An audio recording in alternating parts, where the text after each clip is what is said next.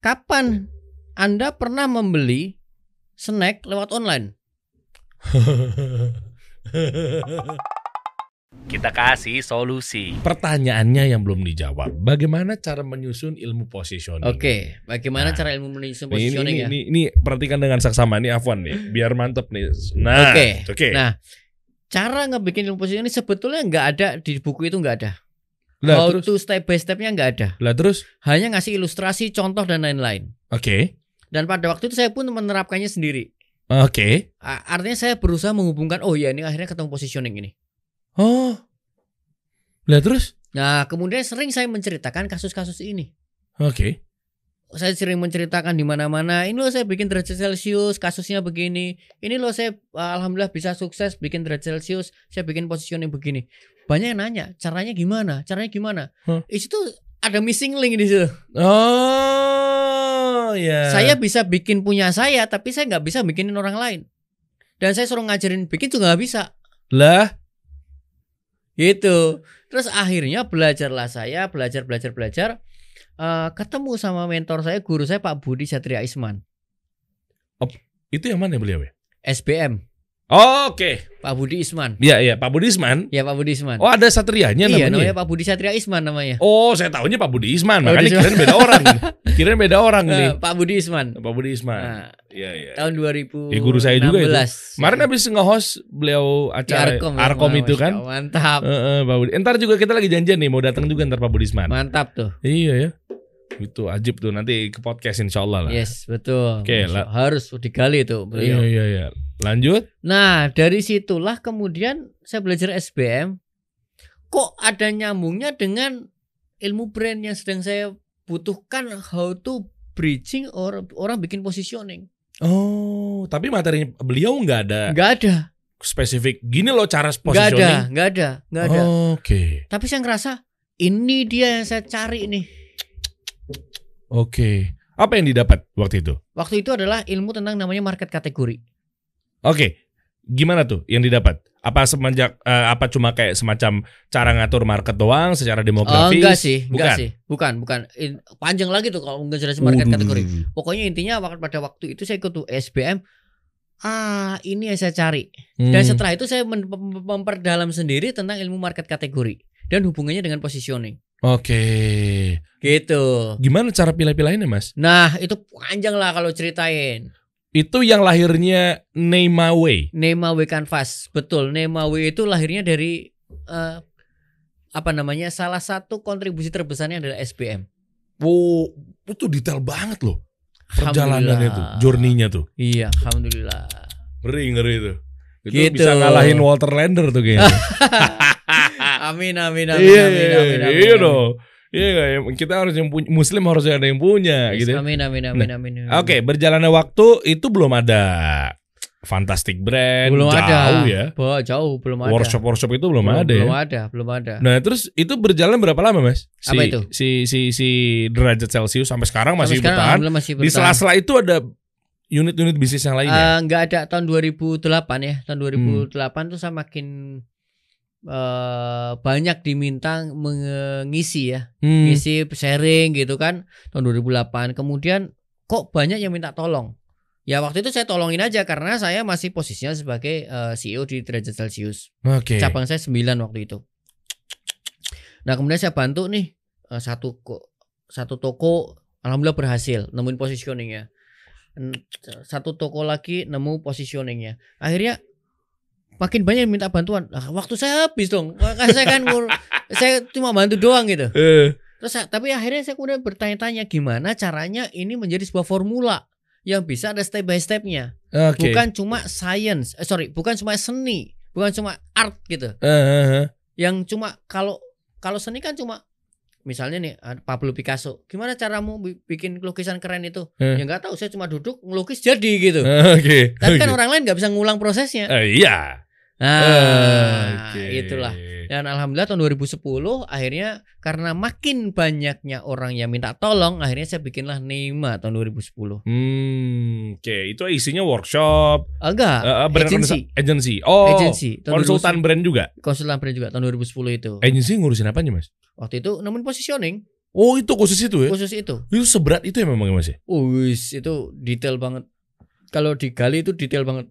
Contoh deh, contoh apa? Misalnya eh, cara mulai bisnis dari nol tapi nemuin positioningnya yang simpel-simpel aja deh. Eh, misal gini, Apa? Sebut aja contoh produk apa misalnya.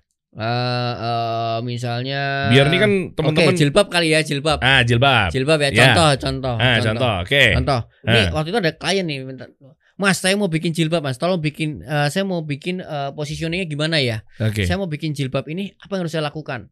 Ini pengusaha Tanah Abang nih.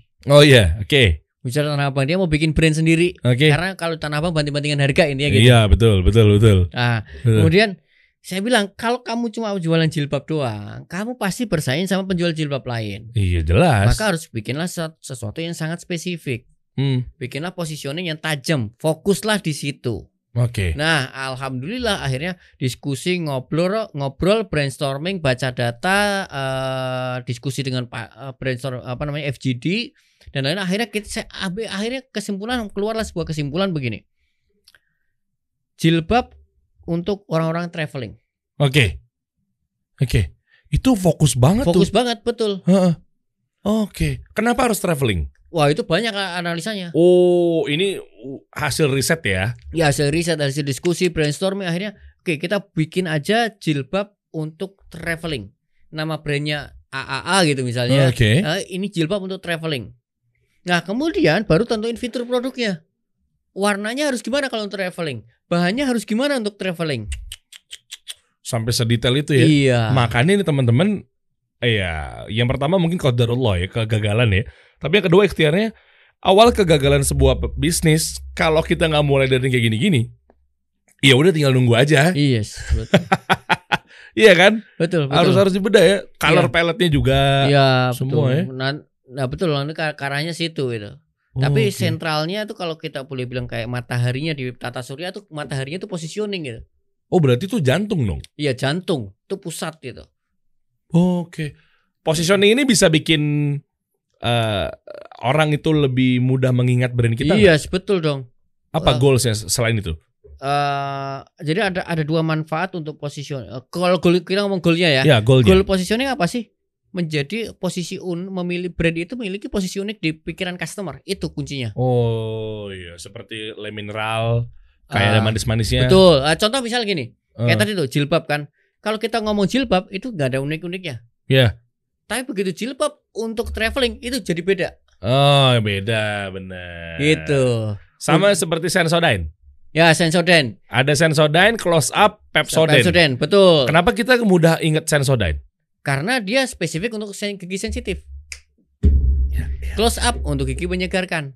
Oke, nafas segar. Nafas segar betul. Pepsodent gigi berlubang. Yes. Oh, itu positioning Yes, itu positioning. Ya, ya. Tuh, guys. Ya, ya, Gitu. mantap, mantap, mantap, mantap. Nah, eh, terus hubungannya sama closing gimana caranya? Kan katanya ada yang bilang bahwa kalau kita cuma nempelin merek doang, Hah? belum tentu dia closing. Oke. Ya kan? Ya. Eh, karena ada proses yang namanya branding, marketing, Betul, selling. Betul. Nah, gitu itu kan kompleks banget tuh. Ya. Ya, padahal kenyataannya tugasnya beda-beda ya. Yes, beda-beda. Eh, itu tipis Mas menurut versi Mas Dodi gimana? Coba. Yang apa tuh? Ya, marketing, selling gitu lah. Oke. Branding dan Oke. lain-lainnya. Ya, marketing eh, tadi ya, kalau kita cuma nempelin nama doang di dalam sebuah packaging, Mm-mm. apakah itu membantu? Bisa jadi membantu, bisa jadi enggak gitu. Oke. Jadi membantu bisa jadi enggak. Eh. Kalau misalnya kita tempelin merek, kita tempelin nama, kemudian packaging yang keren, dan kalau di sebelah kanan kiri produk kita, Mm-mm. misalnya kita taruh di Alf, kita taruh di sebuah toko lah ya produk kita, apa pun itu, Ya. dan kanan kirinya ternyata packagingnya jelek-jelek, Hmm, Oke. Pakai- dengan catatan packagingnya jelek-jelek semua ya, Iya, iya. packagingnya jelek-jelek semua, dan ketika customer masuk ke toko itu tidak memiliki referensi apa pun tentang brand yang ada di dalam toko itu. Oke. Nah, contoh biar biar gampang gini aja deh. Misalnya nih, Masuk ke Alfamart. masuk ke Alfamart lah Oke. atau ke toko oleh-oleh aja. Kalau Alfamart karena kita udah rata-rata udah kenal semua brand yang ada Oh di situ. iya udah kenal ya. Ya, Misalnya ya. masuk ke to- toko sebuah oleh-oleh lah. Oke, oke. Eh, Jogja lah ya, Jogja. Kita ngomong Jogja. Eh. Kita masuk ke toko oleh-oleh di Jogja. Kita mau beli bakpia patok misalnya. Iya. Di pikiran kita, kita udah punya nomor tuh.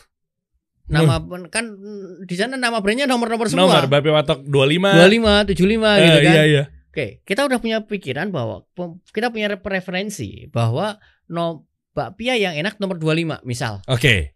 Sejelek apa pun packaging nomor 25, kita bakal beli itu. Oh iya lagi. Udah kuat soalnya. Udah kuat di pikiran kita kan. Iya. Misalnya nih, Bang Dery. Hah. Mau bikin bakpia patok, packagingnya dikerenin. Ditaruh di sebelah bakpia 25. Orang tetap beli 25 walaupun packagingnya jelek. Lah terus ngapain bikin packaging yang bagus? Nggak tahu, kan Bang Dery yang bikin. Oh, Oke. Ya ya ya ya. Terus gimana cara mengakuisisi marketnya? Nah, gitu kan. Eh. Nah, kalau kasusnya begini, ketika customer masuk ke sebuah toko, ke sebuah eh, saluran distribusi tertentu, Mm-mm. sudah ada preferensi brand apa, maka packaging nggak menolong banyak. Lah terus yang bikin dia menjadi tadinya nggak butuh jadi butuh? Nah, itu kan marketing.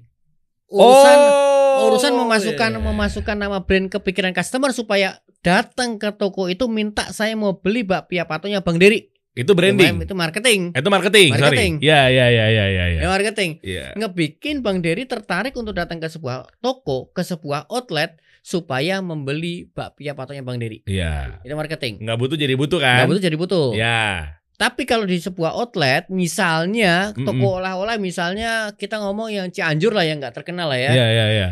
masuk toko olah-olah dan di dalamnya nggak ada brand yang kita kenal. Oke. Packaging jadi penentu. Hmm, yang paling ngundang mata yang dipilih. yang dipilih. Karena situasi eh, kondisinya sama- apa namanya sama-sama kita nggak punya kenalan sama sekali nih di di brand-brand yang ada di situ gitu. Oke, ya ya ya, nangkep nih, nangkep nih. Oke, Gitu.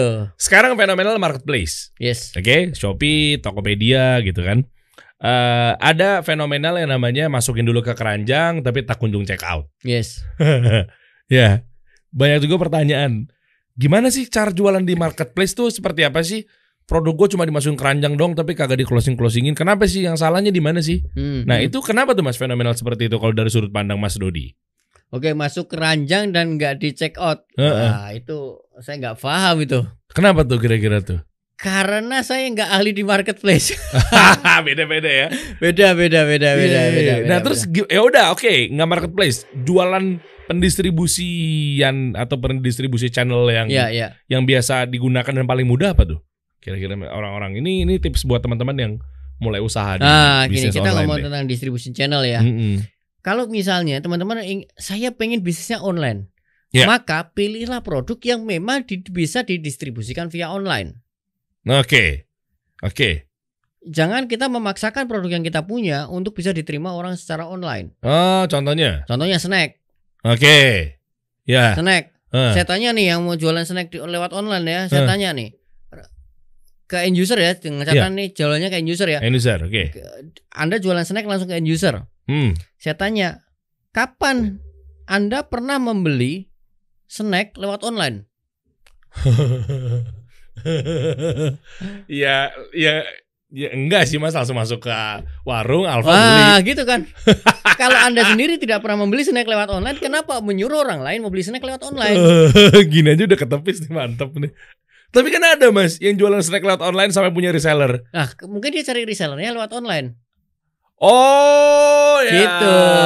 Berarti B2B Yes. sama resellernya Sama jangan langsung ke resellernya. end usernya lewat Betul. online. Kalau Anda resellernya lewat online dijual ke end user, itu susah jualannya. Iya. Karena pola pembelian snack itu impuls. Impuls itu tanpa perencanaan. Bang Diri ada perencana kapan mau beli Citato? Eh, enggak lah, nggak tahu ya kalau kalau lagi pengen aja. Ya kalau lebih pengen kan, iyalah. lagi pengen sekarang ya harus ada sekarang produknya kan. Heeh, bener. Ya kalau Online? kalau online nggak bisa. Oke, ini menarik nih, menarik nih. Artinya kalau kita punya snack, yes. ya, terus snack tersebut jangan jual kalau mau online ya, Ya. jangan jual ke end user, tapi kita B2B dulu sama reseller. Reseller betul. Nah, tips buat yang pengen jadi reseller, kalau dapat produknya snack, jangan juga dijual Ya, online, online. lagi, tapi resellernya jualnya ke End user. end usernya dengan pola ke warung-warung. Warung-warung atau di tokonya sendiri mungkin. Eh, Atau pas mungkin lagi mama lagi nungguin anaknya jemput sekolah di gelar dagangan, buka lapak atau apa pun lah. Oh iya. Gitu. Ini Nah, kita, eh, Kalau teman-teman saya nggak mau offline, saya maunya online. eh, Maka carilah produk yang memang bisa dijual online. kalau end user Kalau end user. banyak ya apa ya contohnya? Wah, fashion masih bisa. Fashion bisa. Ini nih nih nih nih. Oh masih bisa nih herbal bisa banget. herbal bisa ya. Bisa banget ini. Ini kan eh, Nabawi Herbal nih yang eh, tokonya terus ini fokus produknya Trigona Yes, Gold. Bisa, Trigona Gold bisa nih ya. bisa. Ini apa Oh, nih? Ada nih. Batu soda, Hmm, zaitun, propolis madu. Bisa ini. bisa nih. Karena produknya bukan sifatnya impuls. Oh. Kan pakai rencana dia beli. Iya. Kan kondisi begini kan kalau habatus sauda kan sebaik-baik obat tuh jadi kan buat daya tahan tubuh. Yes, ya betul. kan, nambahin betul. imun. Itu oke.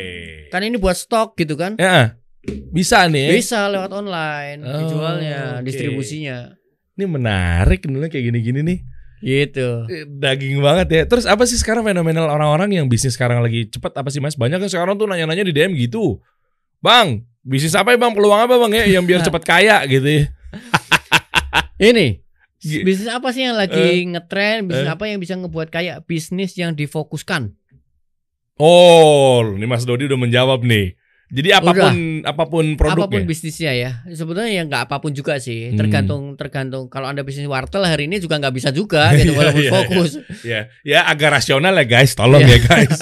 Enggak juga, Saya mau saya mau rental DVD kayak ya mau rental film DVD kan udah nggak ada, Iya, udah nggak bener. zaman. Udah nggak Walaupun anda fokus tetap nggak bisa.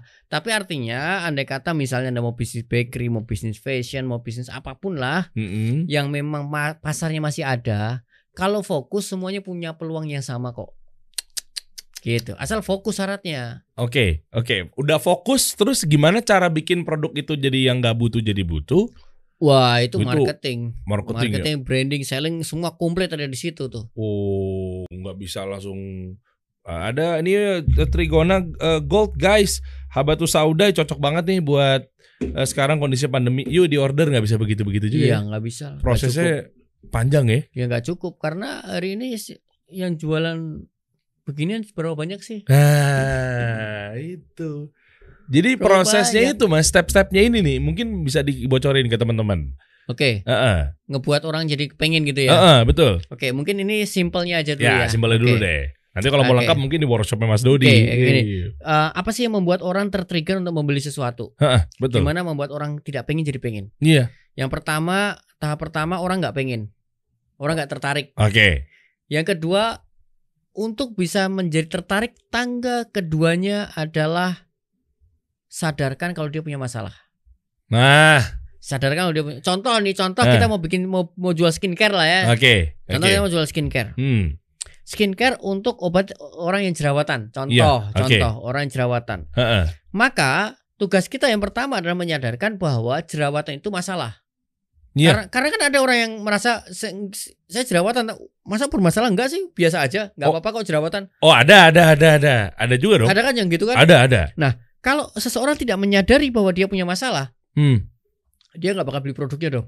Eh, jelas. Nah, gimana cara ngegalinya agar dia merasa bahwa itu adalah masalah? Sadarkan bahwa eh jerawat tuh nggak bagus loh, jangka panjangnya buat dirimu loh. Ah. Kamu tampil jelek loh kalau pakai jerawat loh, ada Hmm. jerawatnya loh. Iya benar. Nah Bener. contohnya begitu. Iya nggak bisa nyenengin istri nanti ah, mungkin apa pun itulah. malu dibawa ke kondangan. Yes, betul. Lewat itu Sadarkan tuh. dia masalahnya. Oke. Dari dia nggak tahu tuh ya. Ya, Eh, pertama sadarkan. sadarkan dia punya masalah. Mm-mm. Setelah dia sadar punya masalah, yang ketiga sadarkan solusi yang tepat. Tuh, kan problem solution. Ya, sadarkan dia solusi yang tepat. Oke. Karena bisa jadi dia sadar masalah tapi solusinya dia nggak tepat. Contoh, hah. jerawatnya dipelitesin. Dipelitesin apa ya? Di- Dipecah iya, gini. Dipecahin. Dipecah gini, dipejet-pejet begini. Iya benar. Dia ngerasa ah nggak apa-apa digini doang. Eh. Dia udah sadar bahwa ini masalah, tapi solusinya dipecahin pakai tangan. Oh salah. Nah, sadarkan dia solusi yang lebih benar. Oh, alurnya. Gitu. Ada masalah sama kasih solusi. Solusi, solusi yang benar. Oke. Siapa tahu dia udah sadar solusi, tapi solusinya bukan punya produk kita. Ah, nice.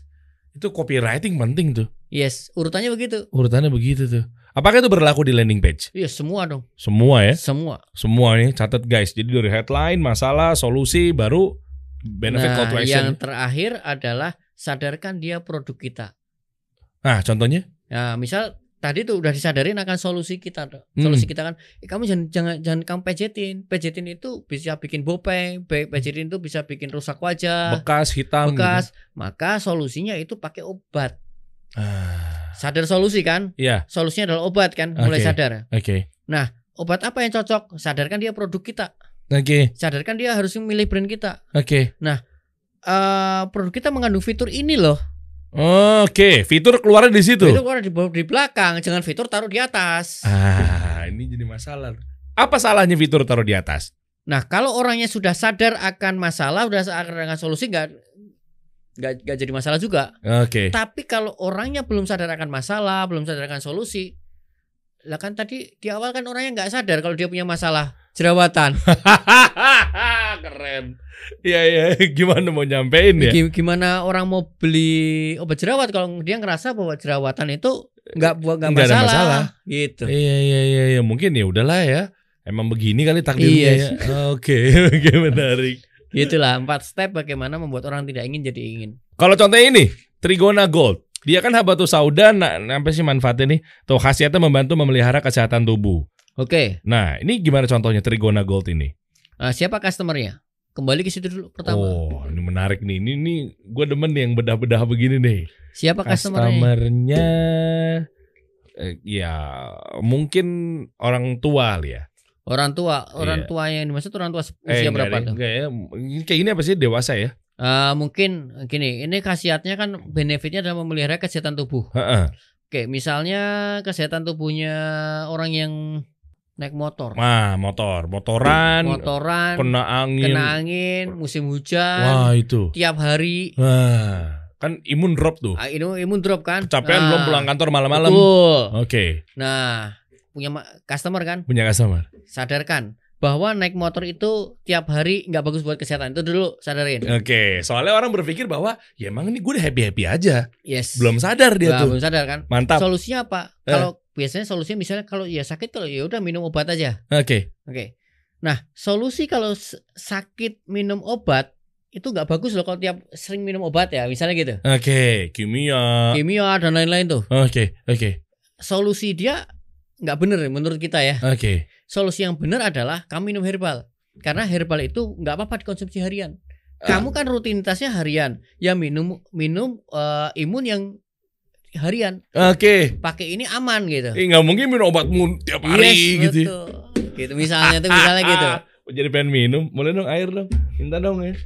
Mau minum dulu Mas izin ya, Mas. Siap. Daya tahan tubuh aktivitas podcast begini nih harus di ini nih Trigona Gold nih. Mantap. Oh, cobain Mas kalau mau Mas.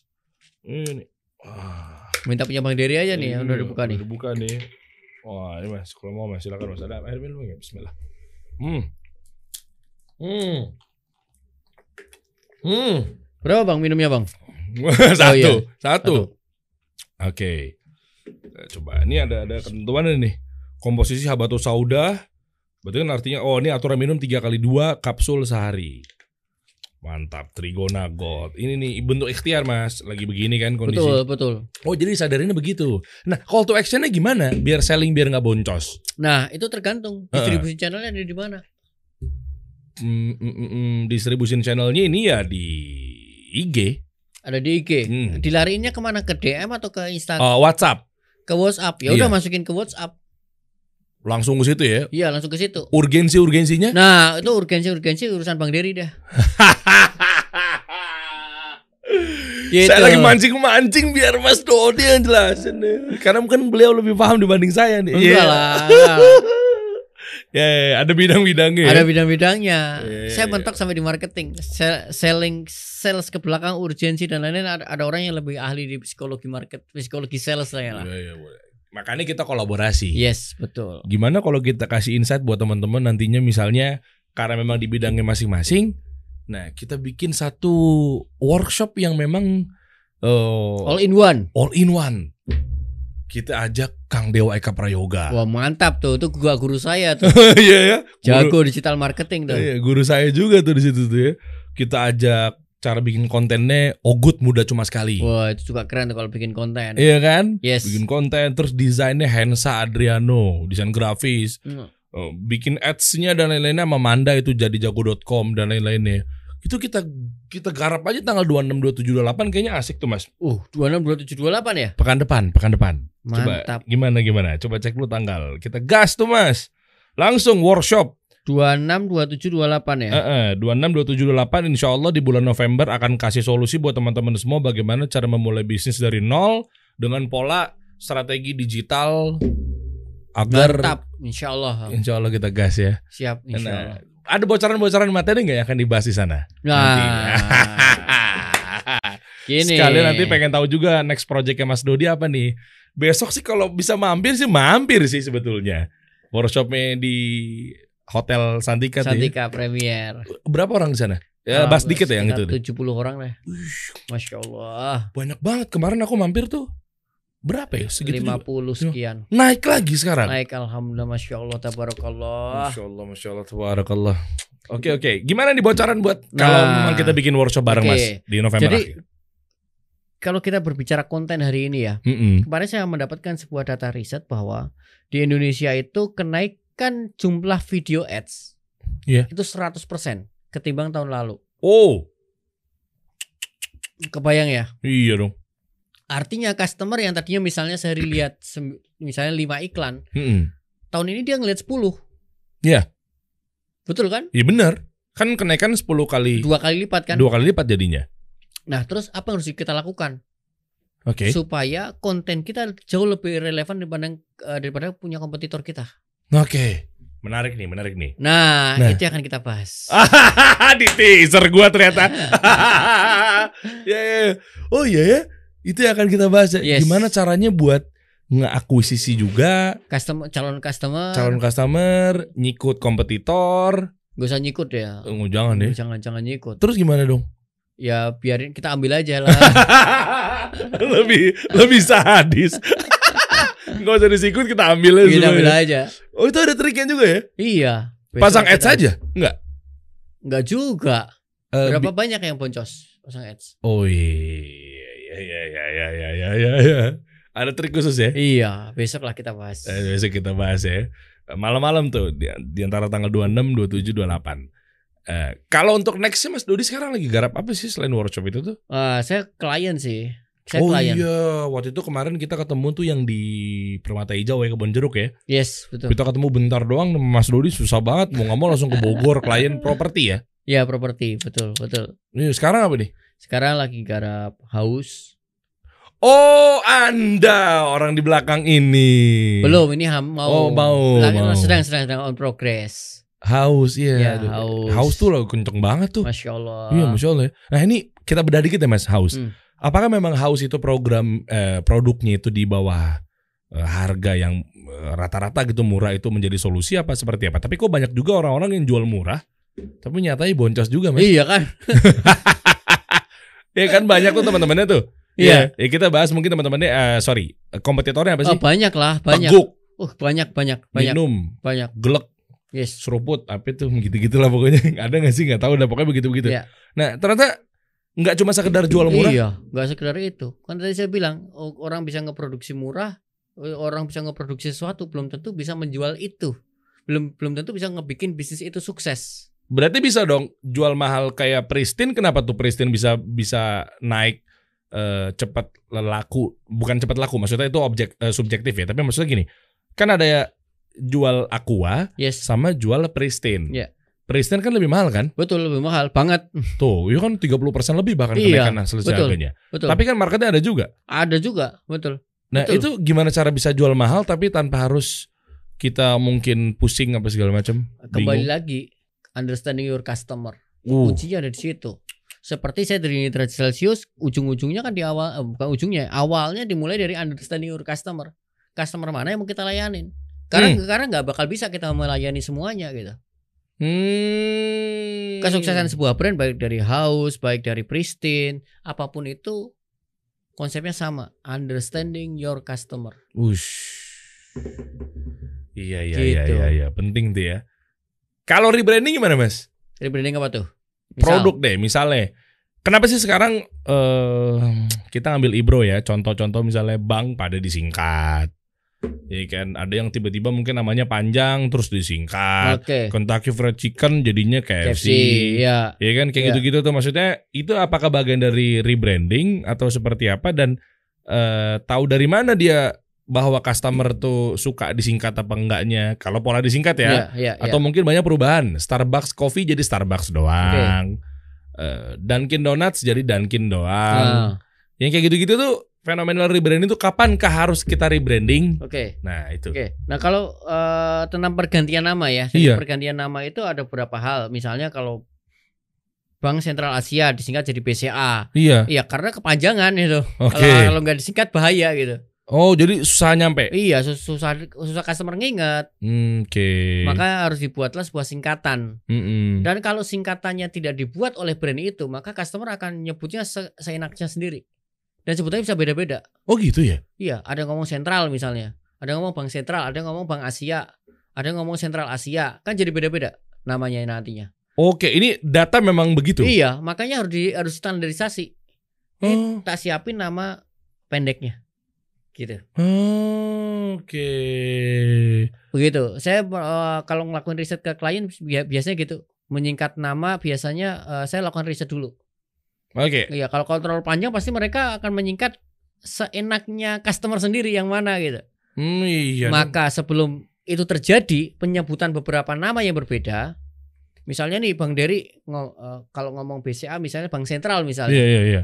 Saya kalau ngomong biasanya saya dalam sehari-hari Bank Asia misalnya, Hmm, hmm. kemudian Bang Dery ngomong sama saya, "Eh, Mas Dudi, ini saya nab- nabung aja di Bank Sentral, saya Bank Sentral mana? Saya nggak kenal kan gitu. Oh, iya, iya. Karena dalam hidup saya saya menyebut dia Bank Asia kan. Oh, sama kayak seperti KFC ya. Yes, Iya ka- itu beda kasus. Oh, beda kasus. Beda kasus. KFC itu disingkat bukan karena bukan hanya karena kepanjangan, Tapi tapi kalau di Amerika itu disingkat karena ada kata-kata gorengnya.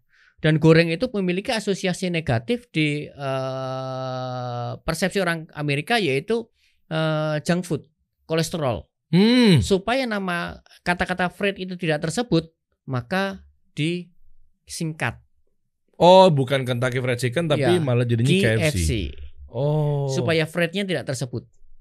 Kalau kasusnya KFC ya, Iya, iya, iya, iya, iya. iya. seperti itu. Oh, ini ada bedahan yang lagi masing-masing ya. Yes, benar. Megang klien apa sih Mas sekarang Mas? Bocoran dong. Ya tadi haus. Haus. Kemudian yang masih jalan lagi mungkin kalau yang nasional batik terusmi Oke. Iya, iya. Itu itu sama juga tuh ya. Mas Dodi juga di belakangnya ya. lagi proses. Lagi proses ya, masya Allah. Eh, guys, mumpung inget nih, eh teman-teman bayangin deh. Gua kemarin ikutan workshopnya Mas Dodi itu bagus insight-nya mengenai eh apa? Ada satu buka restoran ayam, tepung eh, ayam goreng lah ya. Yes. Itu itu keren deh. Ya itu klienmu juga kan Mas? Iya, klien. Iya kan? Iya kan antara di sini tuh judulnya adalah bagaimana cara menyikapi banting-banting harga atau Yes. perang-perang harga, tapi ternyata bukan cuma sekedar nurunin doang. Kok bisa sih yang lebih murah malah sepi customer? Betul yang mahal mahal rame. Atau kita bahas itu aja, bahas itu tanggal 26 27 28. boleh boleh. Sekalian nama yang tadi tuh. Yes, benar. Jadi kita simpan dulu di sini ya. Iya. Ini nggak Ah. boleh dibocorin dikit Oh, ya. jangan, jangan, I- jangan. itu ih. Top tuh daging gitu ya. Sampai bertemu 26 27 28 di November kasih solusi kita bahas kita bedah ya. Yes. Ajak teman-teman yang lainnya Mas ya. Siap, insya Allah. Iya, bareng sama Mas Dodi nih guys. Ha, mantap. Syukran Mas. Siap. Thank you Bang Dery. Sama-sama Mas. Dodi ya. Kita kasih solusi.